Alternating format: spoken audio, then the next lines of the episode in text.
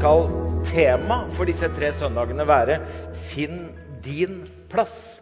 For 'Velkommen hjem' handler jo sjelden om et slags geografisk, fysisk sted.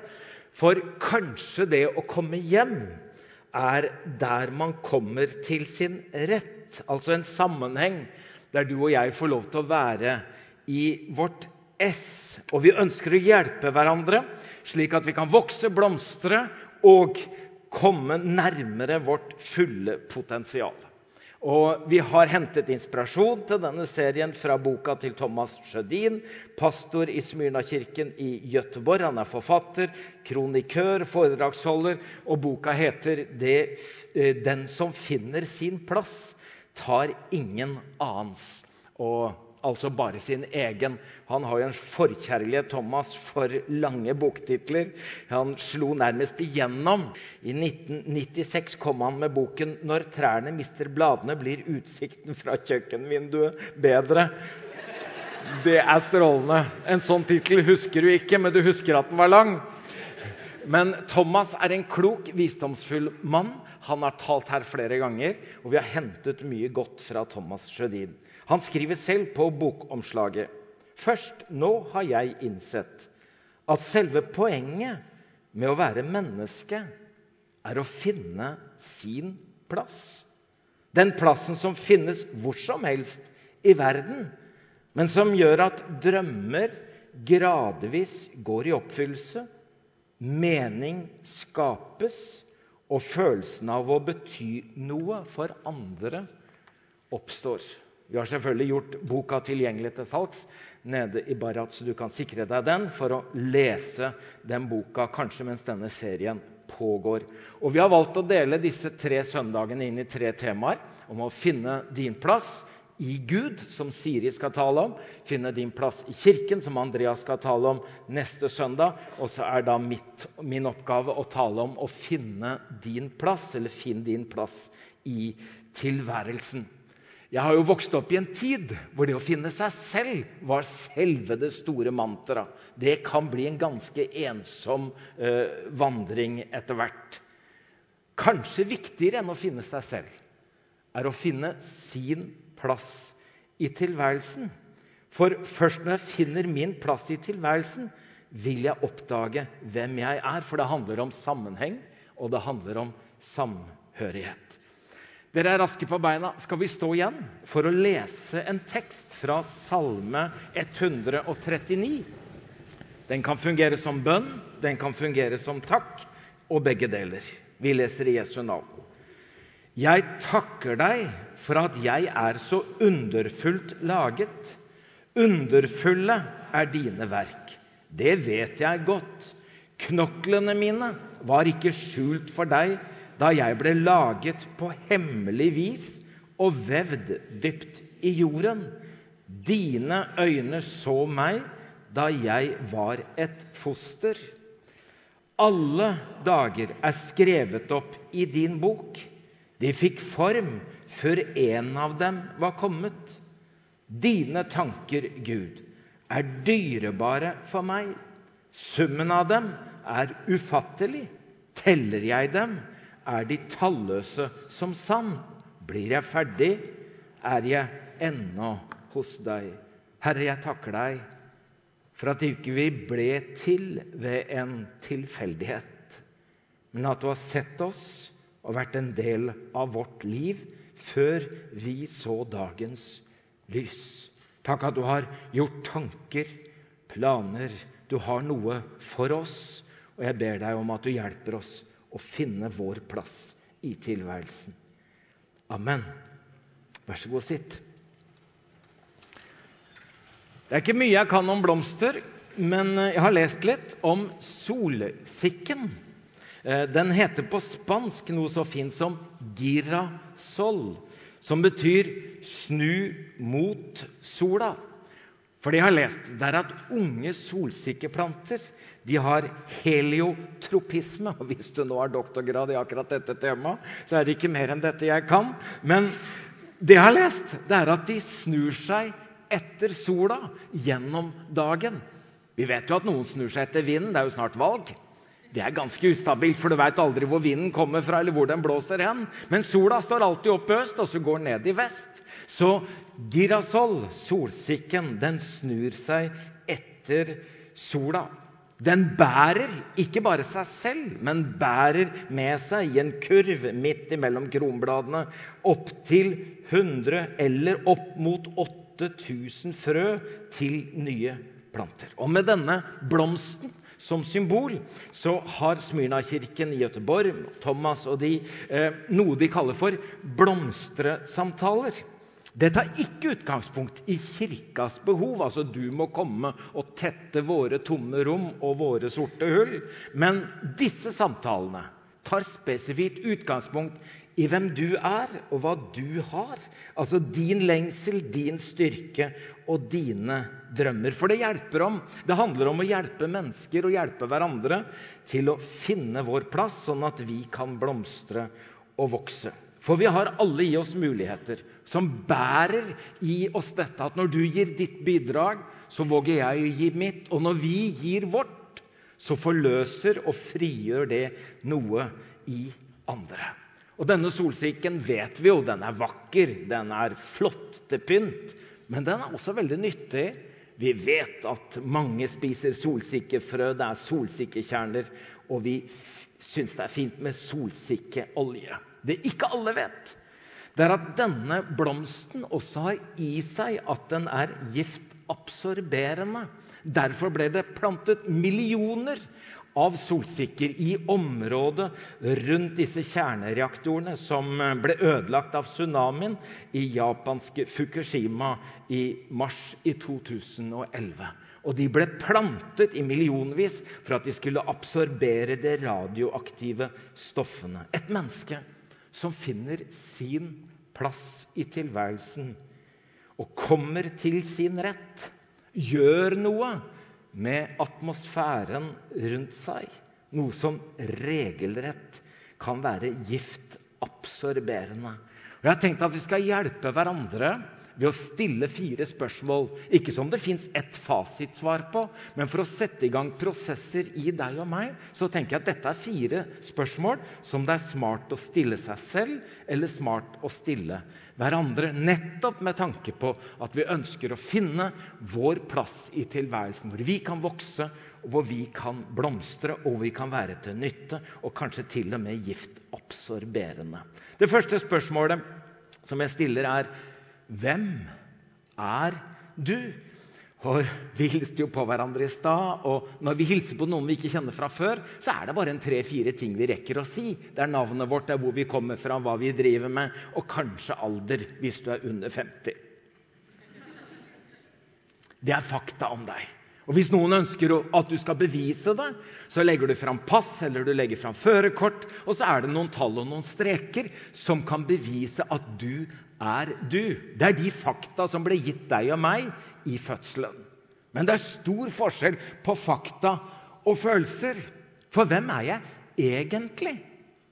Hvordan opplever jeg meg selv? Og hvem er jeg hvis jeg ikke bare skal formidle navn, alder, yrke og hvor jeg bor?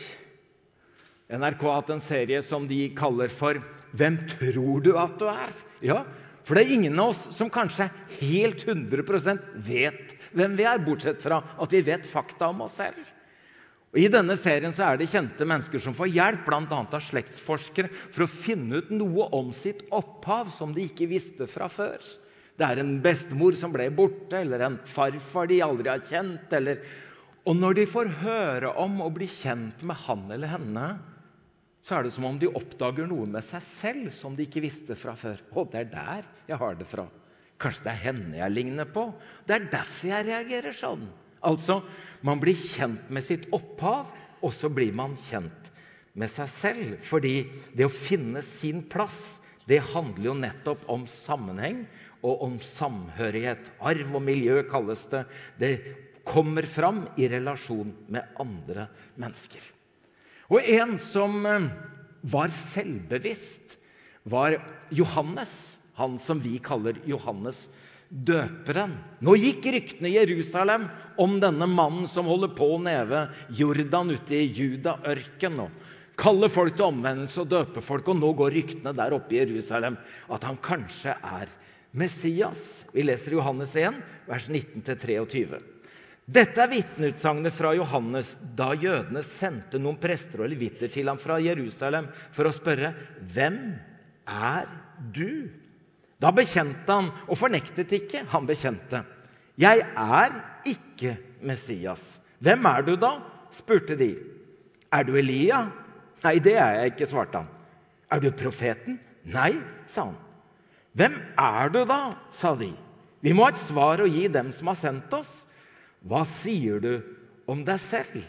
Han sa, Jeg er en røst som roper i ødemarken, gjør Herrens vei rett, som profeten Jesaja har sagt.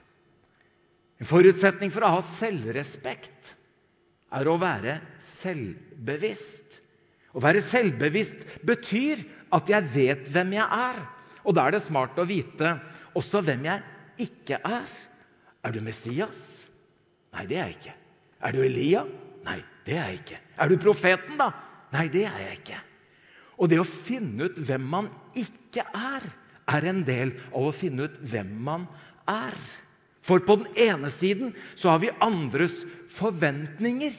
Hvor det ligger en slags forhåndsprogrammering om hva du skal gjøre, og hvem du skal være.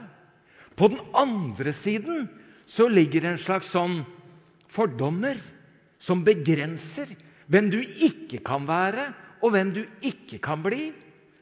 Og Johannes døperen han visste det, hvem han ikke var. Og Nå har jeg reist Norge på kryss og tvers i mange år, og jeg treffer folk som sier 'Jeg vil ikke være sånn kristen som bestemor'. 'Jeg vil ikke være sånn kristen sånn som det var hjemme på bedehuset'. Og da sier jeg nesten alltid 'Så fint! Så flott at du har funnet ut det.' Og for noen kan det ta lang tid. Men du har vel ikke tenkt å leve hele livet på en ikke-identitet? 'Jeg vil ikke være, jeg vil ikke være, jeg er ikke'. Men hvem er du, da? Hva sier du om deg selv? Og da visste Johannes det. Han visste ikke bare hvem han ikke var, men han sier, 'Jeg er røsten av en som roper i ødemarken'. Det handler om å finne sin plass, og det begynner med 'Hvem er du?' Om han som vi kaller den bortkomne sønnen i Lukas 15, om han står det, han reiste jo langt bort, at et vendepunkt var da han kom til seg selv. Kan vi jo bare gjette på hvorfor han dro, om det var det hjemme som skremte, eller om det var det borte som fristet. Men kanskje det var størst behov for å komme bort fra han broren, som vi etter hvert blir litt kjent med, og tenkte det var greit å komme unna han. Og kanskje det tok tid og avstand for å finne ut ikke bare hvem han ikke ville være, men hvem han ville være. Da kom han til seg selv. Noen av dere har flytta til byen, noen har flytta hjemmefra for første gang. Noen bor på hybel for første gang. Kanskje dette er en viktig prosess. Tenke jeg trenger litt avstand. Det er noe jeg ikke kan og ikke skal. Og så ligger det i dette at du på et tidspunkt kommer til deg selv. Og da står det Da dermed brøt han opp og dro hjem til faren sin. For hvem er det som får lov å definere hvem du er? Og Det virker nesten som han bestemmer seg for det skal ikke broren min få gjøre. Det er det opphavet mitt som gjør. Da brøt han opp og dro hjem til faren. Det andre spørsmålet som jeg syns er smart å stille seg, er hva vil du? Jeg tror at vi bærer på en dyp indre lengsel om å leve for noe som er større enn oss sjøl om ikke bare å være oss sjøl nok. At vi har en indre, dyp lengsel etter å bli brukt, ikke misbrukt. Ikke utnyttet, men å bli brukt av Gud til nytte og til bruk for noen. Og jeg tror at denne dype indre lengselen handler ikke først og fremst å ha målet klart. Noen klarer å definere det. Hvor de skal, og hva de ønsker å oppnå. Når du er ung, så er det ganske vanskelig. Så selv om du ikke klarer å se hva du skal bli, eller hva du ønsker å oppnå, så kanskje du på dette tidspunktet kunne finne en kurs, en retning. Hvilken vei du vil gå, og i hvilken retning du vil leve livet ditt. Jeg tror det er denne indre lengselen, denne indre monsunvinden, som kan ta oss til den plassen som på en eller annen merkelig måte venter på oss. Jeg var en av seks søsken. Min eldste bror reiste til sjøs da han var 16, ble kokk. Eh, senere Stuart. Og jeg tenkte jeg drar i kjølvannet hans. Og Jeg meldte meg opp som konditor på yrkesskolen og tenkte at han dro på til sjøen. Jeg drar til sjøen, jeg ja, òg, men jeg skal på cruiseskip. Ja. Dette tok meg til uh, yrkesskole, det tok meg til Karasjok, det tok meg til Østby Bakers i Sandvika. Jeg husker dager på konditoriet hvor jeg gikk inn. Inn på do. Og bare hadde en slags indre opplevelse av at jeg egentlig skulle noe annet. Jeg fikk kjæreste tidlig. Turi var 14, jeg var 15. Jeg husker samtaler vi hadde, og ingen av oss hadde noe sånn 'Jeg skal bli pastor', eller 'Hun skal bli misjonær'. Men hun spør meg, 14 år gammel, etter at vi har vært kjærester litt 'Egil, har du tenkt å leve for Jesus?' Hvis ikke, så blir det ikke oss. For det er det jeg har tenkt til. Vi vet ikke alltid hvor livet tar oss, hva vi oppnår, eller hvor vi havner. Men det å finne en kurs, en livsretning, noe som tilsvarer den indre, dype lengselen som vi har etter å finne vår plass i tilværelsen. I Galaterbrevet 1, vers 15 og 16, så skriver apostelen Paulus.: Men Gud, som utvalgte meg allerede i mors liv og kalte meg ved sin nåde, besluttet i sin godhet å åpenbare sin sønn for meg, for at jeg skulle forkynne evangeliet om ham for folkeslagene. Ja, Det er jo Paulus, kan vi tenke. Det er jo et unntakstilfelle. Det er ikke sikkert. Kanskje han som skapte deg på underfullt vis og så deg mens du bare var et foster, har tenkt tanker, lagt i deg noe som handler om den plassen som er din i tilværelsen. At det gjelder oss alle. Før vi hiver oss inn i livet, så er det smart å først søke etter denne indre, dype lengselen.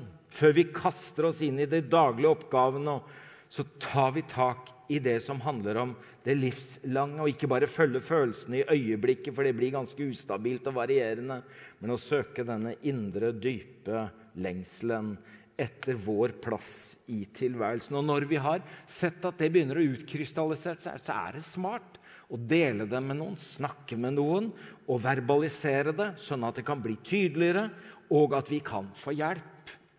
Jeg har eh, i mange år beundret eh, Johan Sebastian Bach ikke bare for musikken, men at han med den bakgrunnen kunne skape sånn musikk. Det er liksom ikke veldig sånn hyggemusikk og kosemusikk. Det er som om han vil vekke oss for noen ting. Han var eh, enkemann, 35 år gammel. Da hadde han rukket å følge ti barn til graven. Ja, du hørte riktig. Enkemann, 35 år gammel, og fulgt ti barn til graven. Lidelsen var en del av livet hans. Og sorgen, var, og sorgen var en del av tilværelsen. Men Gud møtte han så eksistensielt at han brukte teologien ikke bare på musikken, men også på sitt eget liv og på andres liv. Det sies at han skrev over sine partiturer at han skrev JJ, som betyr Juva Jesu. Jesus hjelp, altså bønn om hjelp av Jesus. Og så skrev han, når komposisjonen var ferdig, SDG, Soli Deo Gloria. Gud alene skal av æren. Det er jo fantastisk å kunne både begynne livet og dagen og uka og måneden med dette.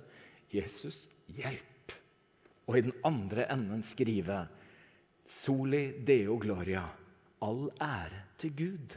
Det handler om retning mer enn hva du skal oppnå, og hvor du skal bo, eller hva du skal gjøre.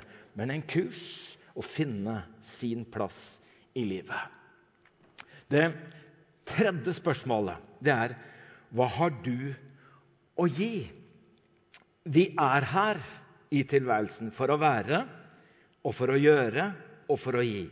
Og hvert menneske har sitt eget helt unike bidrag. Vi bør ikke minne oss om at vi har forskjellige fingeravtrykk, og ingen av alle milliardene er like. Du er unik. Allikevel har vi en tendens til å si ja, men jeg har liksom ikke noe å gi. Jeg har så lite å bidra med. De som har studert og forsket på dette, har sagt at et vanlig gjennomsnittsmenneske har mellom 500 og 700 forskjellige ferdigheter. Kanskje du ligger litt i underkant av gjennomsnitt, men det gjør ingenting. Du har allikevel mye å gå på. Ikke snakk deg selv ned. Tenk heller på hvilke ferdigheter, hvilke talenter, hva har Gud gitt meg? For hvis du ikke bidrar med dette, så er det noe som mangler i helheten. Jeg har ikke tenkt til å søke på Musikkhøgskolen, men jeg falt for denne annonsen. Ehm, å finne sin egen stemme der for komponister som skal begynne på Musikkhøgskolen. Hvor viktig er det for en skapende kunstner, en komponist, å finne sin egen stemme? Og det står i annonsen. Selvfølgelig ønsker, alle, ønsker alle komponister å finne sin egen stemme. Men hvis en egen stemme betyr at man bare gjør ting man kan fra før, så er det jo litt dumt, sier studenten Astrid Solberg. Hva er ditt unike bidrag? Hva vil du gi? Hva vil du bidra med? Kjenner Levi Henriksen litt? Forfatter Levi Henriksen. Han er jo et eventyr fra Kongsvinger, og alt han har skrevet, handler stort sett om Granli, et lite miljø. Vokste opp i pinsemenigheten der, og mora var søndagsskolelærer. Han er et eventyr. Han skrev 87 ting som han sendte inn til forlag og ble refusert 87 ganger. Ja. Han prøvde virkelig å skrive. altså Han jobbet som journalist, han gjorde mye annet. Men han skrev og skrev og skrev og ble refusert. Så sier Levi det var først når jeg begynte å skrive om hvem jeg var, hvor jeg kom fra, fra Granli, fra bedehuset, og mor på søndagsskolen Når jeg begynte å finne min egen stemme, at det slo igjennom. Det er viktig uansett hva vi gjør i livet. Ikke bare komponister og forfattere. Jeg holdt på med det der når jeg skulle bli predikant. Hvem er jeg, liksom? Jeg hørte på folk som jeg lot meg inspirere av. Jeg leste folk som jeg lot meg inspirere av. Og så ble jeg av noen så inspirert og så fascinert at jeg tenkte jeg må beskytte meg, for hvis jeg bare hører på de, og så kommer jeg til å bli en dårlig kopi. For hvem er jeg? Hva er min stemme? Hva er mitt unike bidrag? Et håp om å finne ut hvem jeg er. I 1. Korinterbrev 12 så skriver Paulus om kroppen nærmest som et slags eksempel på dette. At det er én kropp, men at det er mange lemmer. Og så sier han at det i dette fins nærmest to grøfter. Han sier jo da eh, men nå har Gud gitt hvert enkelt lem sin plass på kroppen, slik han ville det. Han holder fram disse to grøftene og sier det er jo idiotisk hvis øyet sier at fordi jeg ikke er øre, hører jeg ikke med. Fordi jeg er øre, men ikke munn, eller jeg er hånd, men ikke fot, så hører jeg ikke med. Det er den ene grøfta. Fordi jeg ikke er, hører jeg ikke med. Den andre grøfta det er at noen andre sier til deg Der ligger jo fordommene. Fordi du ikke er, så hører ikke du med. Fordi du ikke er fot, men han, så hører ikke du med. Og så oppsummerer han dette og sier det er jo idiotisk å tenke sånn. For en kropp består av mange lemmer, og hver, hvert lem har sin plass og har sin funksjon og har fått sin plass på kroppen slik han ville det. Det handler om sammenheng, det handler om samhørighet, og det handler om samspill. Jeg vet ikke om du liker å legge puslespill. Skulle nesten spurt hvem som har rekord i å legge størst. Men det er jo egentlig desto vanskeligere er, desto gøyere er det jo. Men det er liksom, er ikke alle brikkene like, da? Det er jo nesten umulig å se forskjell. Og så holder man på med dette her og prøver og tester og sånn, og flytter. Og, Og så er det en nydelig opplevelse når akkurat den brikken finner sin plass. Ja, det er lykken for den brikken, sikkert, men det er også lykken for helheten. For det er når hver finner sin plass, at man skjønner at ingen tar noen annens. Og hvem er jeg? Hva slags bidrag har jeg, og hva har du å gi? Og Da fins det jo kurs for sånt. Hånd i hanske fins. Vi prøver i Filadelfia-kirka og etter hvert å utvikle tjenestekurs nettopp for at vi skal hjelpe folk til å finne sin plass. Da handler det om flere faktorer. Det handler om talentene, som kanskje er de medfødte eller opptrente. Da handler det om jeg-profilen, som er personligheten din. Hva slags mennesketype, hva slags personlighet har du? Da handler det om entusiasme. Hva er det du brenner for? Hva er det som gir deg glede? Hva er det som gjør at du tenner, at du tenker 'Yes! Dette er det'. Og så handler det om nådegavene som vi har fått, og det som Gud har utrusta oss med med åndsgaver. Og så handler det om hvilke erfaringer vi gjør. Og summen av dette, altså ikke én ting i seg selv, men summen av dette kan hjelpe oss å finne vår plass, hvor akkurat jeg kjenner at her er jeg i mitt ess. Akkurat her kommer jeg til rette. Her vokser, her blomstrer, her gror jeg. Hva vil du gi? Hva vil du bidra med? Apostelen Peter skriver i 1. Peters brev, kapittel 4, vers 10. Tjen hverandre, ikke noen som tjener andre bare, men hver og en med den nådegave han har fått, som gode forvaltere av Guds mangfoldige nåde. Ja, mangfoldige nåde, nettopp fordi at alle har fått noe. Det fjerde og siste spørsmålet Henger dere med, folkens? Ja. ja. Henger dere med? Hvordan Hvordan gjør det det? Eller hvordan vil du gjøre det? Denne boka som Thomas har skrevet, handler vel i sånn sum om å finne sin plass ved å finne sitt livs store ja. Så kan du tolke det om det handler der du bor, eller hvor du jobber. Men det handler om denne dype indre lengselen, rett og slett om at dette er min plass. Her kommer jeg til nytte. Her er jeg i mitt ess. Og han tar oss med i denne boka i, en slags søken i det han opplever som sin egen tvillingsjel. Det har han gjort etter en tragedie som skjedde tidlig i livet hans. Eh, denne disippelen som heter Thomas, og som Thomas sier er hans tvillingsjel. Så reiser han til Israel, til Genesaret, til Galilea, eh, for å oppsøke sporene etter Thomas.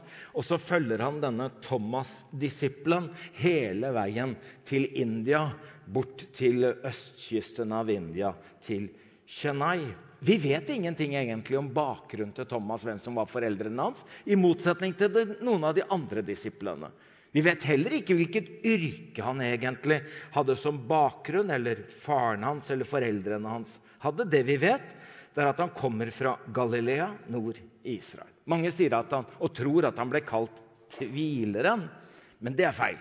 Thomas ble kalt tvillingen. Han hadde et slags kallenavn eller et tilnavn som på gresk heter didymos, som betyr nettopp dette. Tvilling. Og det vi ikke vet, det er om Thomas hadde en biologisk tvilling, søster eller bror, enegga eller toegga. Det vet vi ikke noe om. Det vi vet, er at Thomas er et gresk navn. Og Thomas ligner veldig på det arameiske ordet for tvilling, som er Toma. Eh, så det kan hende at det bare er navnlikhet. At han, ja, sånn som man kaller Karl Erik for Kalle, så blir på en måte Thomas til tvilling eh, i kallenavn. Men vi kan jo tenke oss at han har en biologisk tvilling. En søster, en bror, enegga eller toegga. Og så kan vi tenke at den andre vet vi ingenting om. Omtales aldri noe sted. Ikke hva han eller henne heter, hva han eller henne gjør. Og Derfor er det kanskje så mange opp gjennom historien som har tenkt Jeg er den tvillingen. Jeg kjenner meg igjen i Thomas. Det er min eh, sjelevenn, min tvillingsjel. Den disippelen som var litt annerledes. Han som ikke var med i den innerste kretsen i disippelflokken. Han som av og til sto litt utafor. Han som var litt sånn ambivalent. Han som eh, tenker at han er realist. Veldig ofte er de pessimister, men de tenker at det er jeg som er realist. Altså, noen tenker Thomas, han er min tvilling. Tvilling og tve altså kommer av ordet tve, og det er det samme som tvil er bygd opp på. Det handler om å være dobbel eller å være delt. Derav ord som tvetydig eller tvesinnet. Altså, det er flere muligheter. Det er alltid flere alternativer. Det er vanskelig å velge hva. Og, og, og så blir man sånn ah, Og så får man litt beslutningsvegring. Jeg får ikke helt bestemt meg. Og så kan det bli en fristelse til ikke å ta stilling eller ta en beslutning. Jeg tror i utgangspunktet i den kulturen Thomas ble født og oppvokst, at det meste var forutbestemt. Altså hvor han skulle bo og hvor han skulle leve. Det har vi gjort i generasjoner. Hva man gjør og hva man blir, det ligger i slekta. Og hvilken tro og hvilken tradisjon vi skal følge, det er gitt oss, og vi følger den. Men det er spørsmål om ikke denne Thomas-typen har stilt spørsmål Skal jeg bo her? Skal jeg leve her? Skal jeg bli det? Skal jeg gjøre det? Skal jeg følge denne tradisjonen? Og så kommer Jesus fra Nasaret oftere og oftere. Og jeg tror at samtalene med Jesus ikke bare skaper en lengsel, men treffer en lengsel i Thomas. En slags indre, dyp lengsel som han tenker Han berører den og han kan lede meg til min plass. Noen av dere har flyttet hjemmefra denne høsten og vet at det kan være krevende. Kanskje ikke først og fremst for dere, men for foreldrene deres. Sjøl har Turi og jeg stått og tatt avskjed med fem barn som har reist. Vi har opplevd sorg. Det er ikke bare for et år. De har flyttet hjemmefra for godt. Og gradvis, noen ganger, så er det et opprør. Man smeller med døra, man brenner broa. Fordi det var nødvendig for å komme fri. Men for alle så handler det egentlig om en slags gradvis separasjon fra foreldre, ja, men også fra søsken. Og kanskje det vanskeligste båndet å bryte er båndet til en tvilling. Thomas er kalt tvillingen. Og når Jesus kaller 'følg meg', så er det et kall til oppbrudd. Ikke et opprør nødvendig, men et oppbrudd. Gradvis ny. Gradvis, gradvis. Turi, kona mi, er veldig flink med blomster. Hun er ganske nøye på hva hun planter hvor. Hun kan såpass mye om det at hun vet og har sjekka hvilke blomster som vil trives hvor, og hvilke planter som trives hvor. Men det er ikke alltid hun lykkes. Da prøver hun å gjøre alt hun kan for at disse blomstene skal få gode vekstvilkår. Og av og til så må hun gi opp. Og da kan man jo tenke den blomsten er det noe feil med. Men jeg ser at hun har vanskelig for å gi opp. Da ser jeg av og til at hun graver opp hele buska eller hele planta. Og så flytter hun den. Fordi den fikk for lite sol. Den trenger mer sol. Den trenger en annen jord. Den trenger annet jordsmonn. Og så ser jeg at den blomsten, busken, som ikke blomstra og grodde ett sted, den kan begynne å blomstre og gro et annet sted. Jeg tror det var det Jesus gjorde når han sa til Thomas Følg meg, Thomas. Og det treffer en dyp lengsel inni Thomas. Og det er rett og slett av og til smertefullt å bryte opp og flytte. Det kan være smertefullt å bli, og det kan være smertefullt å bryte opp. Og begge deler kan være riktig, og begge deler krever mot. Thomas er mest kjent for denne historien som handler om den dagen Jesus sto opp fra de døde og han ikke var til stede står Johannes 20, 24, 25. Thomas, en av de tolv, han som ble kalt Tvillingen, var ikke sammen med de andre disiplene da Jesus kom. 'Vi har sett Herren', sa de til ham. Men han sa, dersom jeg ikke får se naglemerkene i hendene hans, får legge fingeren i dem, stikke hånden i siden hans, kan jeg ikke tro. Hvorfor var du der ikke, Thomas? Du skulle jo vært der.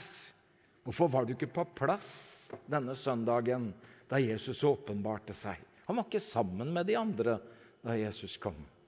Hvem var du sammen med, Thomas? Hvor var du hen? Hva skjedde den uka? Hvis jeg kjenner Thomas-sjeler godt, så finnes det av og til behov for å gå en ekstra runde, være litt alene, få tenke igjennom enda en gang. Men åtte dager deretter var han sammen med de andre igjen. Da står Jesus foran Thomas og sier, 'Kom, Thomas. Se, stikk hendene og hånda di i sida mi.' Da sier Thomas, 'Min Herre og min Gud'. Thomas forbinder vi med tvil. Det syns jeg er veldig urettferdig. Ja, han tvilte. Han var delt. Han kjente at det var dobbelt. Men han kom jo til en overbevisning. Hadde tro, og han hadde mot. Og Det sies i tradisjonen at Thomas var den av apostlene som reiste aller lengst. Han reiste over havene, helt til India, helt til østkysten av India. Der eh, fins det syv millioner kristne den dag i dag som kaller seg Thomas-kristne. Fordi de mener at de er i kirka etter Thomas apostelen som kom og delte evangeliet med dem. Ja visst, han tvilte, han var delt, han opplevde Han visste ikke hva han skulle velge, men så falt han ned i en avgjørelse og en bestemmelse fordi han hadde mot til å stille spørsmål, han hadde mot til å følge kallet, han hadde mot til å følge overbevisningen og reise over havene, og mot til å gå i døden for sin tro, for han døde som martyr. og Derfor ser vi Thomas alltid avbildet med et spyd, fordi det sies at det gikk et spyd igjennom hans hjerte. I serien 'Reisen hjem', som vi har hatt på TV 2 gjennom mange sesonger, så har jeg også møtt Rune Solheim. Vokste opp på Vestlandet, gikk på lærerskolen. Der treffer han en gjeng på lærerskolen som alle har lyst til å spille. Det blir Kaisersorkestra, og de legger et slags løp for en karriere. Norges mest suksessrike rockeband før de la opp. Rune kommer fra bedehuset på Vestlandet. Moren og faren, aktive kristne, han snakket utrolig varmt om bedehuset og moren og farens vakre sang. I dette så sliter han med å finne ut hva er min plass. Er den i Kaizers, eller er den utafor? Her skal du høre. Etter debutalbumet i 2001 blir det kjempesuksess for Kaizers Orkestra. Spellemannspriser, plater som selger stort, konserter med flere titalls tusen tilhørere og opptredener på store festivaler som bl.a. Roskilde Festival. Men for Rune med bedehusbakgrunn bryter det etter hvert litt for mye.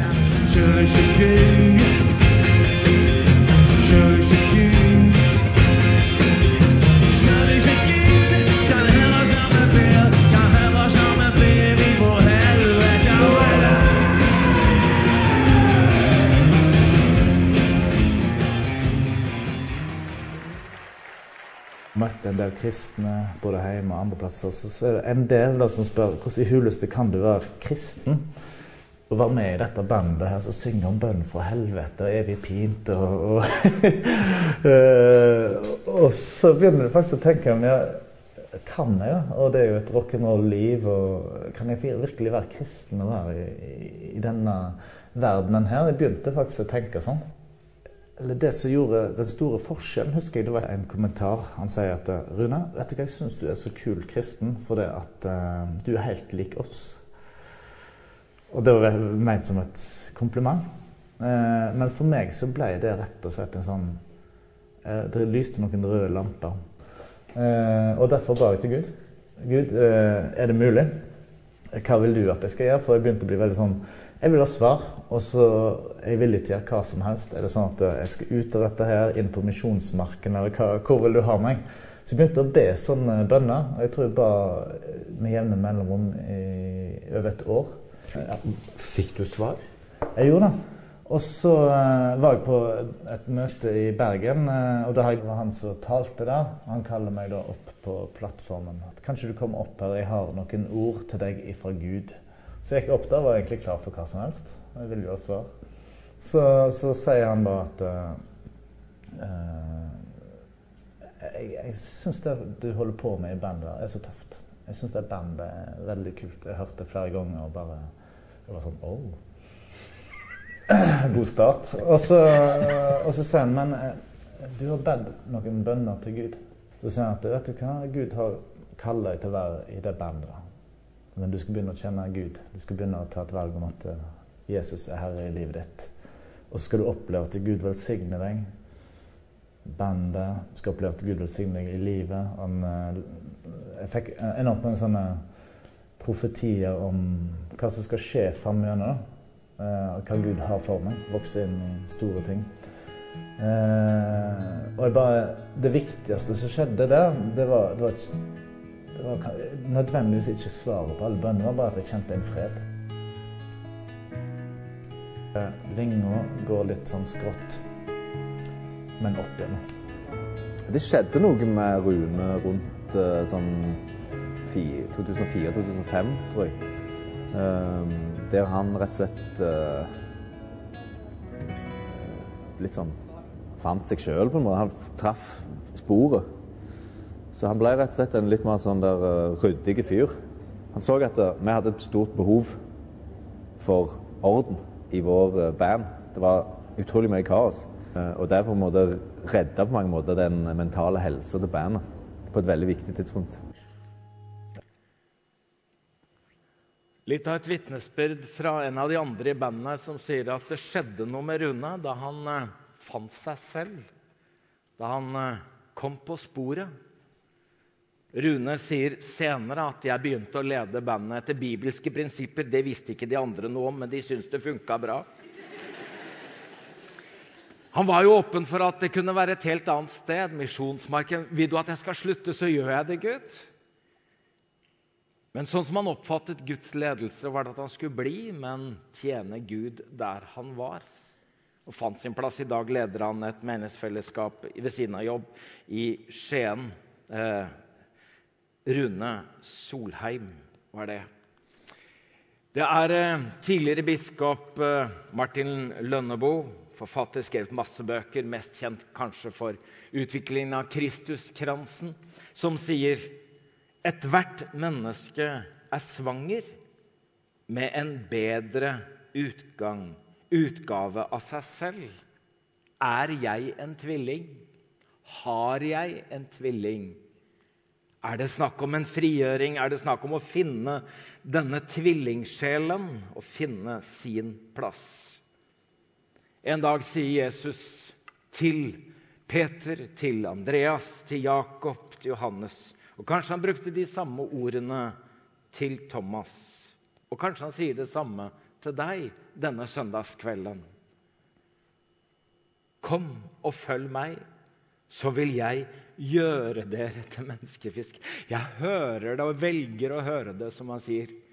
Kom og følg meg, så skal jeg følge deg til den plassen i tilværelsen der du får være i ditt ess. Der du vet at du kan blomstre, og der du kan gro. Og dette Guds ja må da få møte ditt ja. For det er ikke en kommando. Det er ikke, eh, det er ikke noe som du må, men det er noe du kan. Det er en invitasjon, for han vil at svaret skal være ditt. Og så vil han at svaret skal være fritt.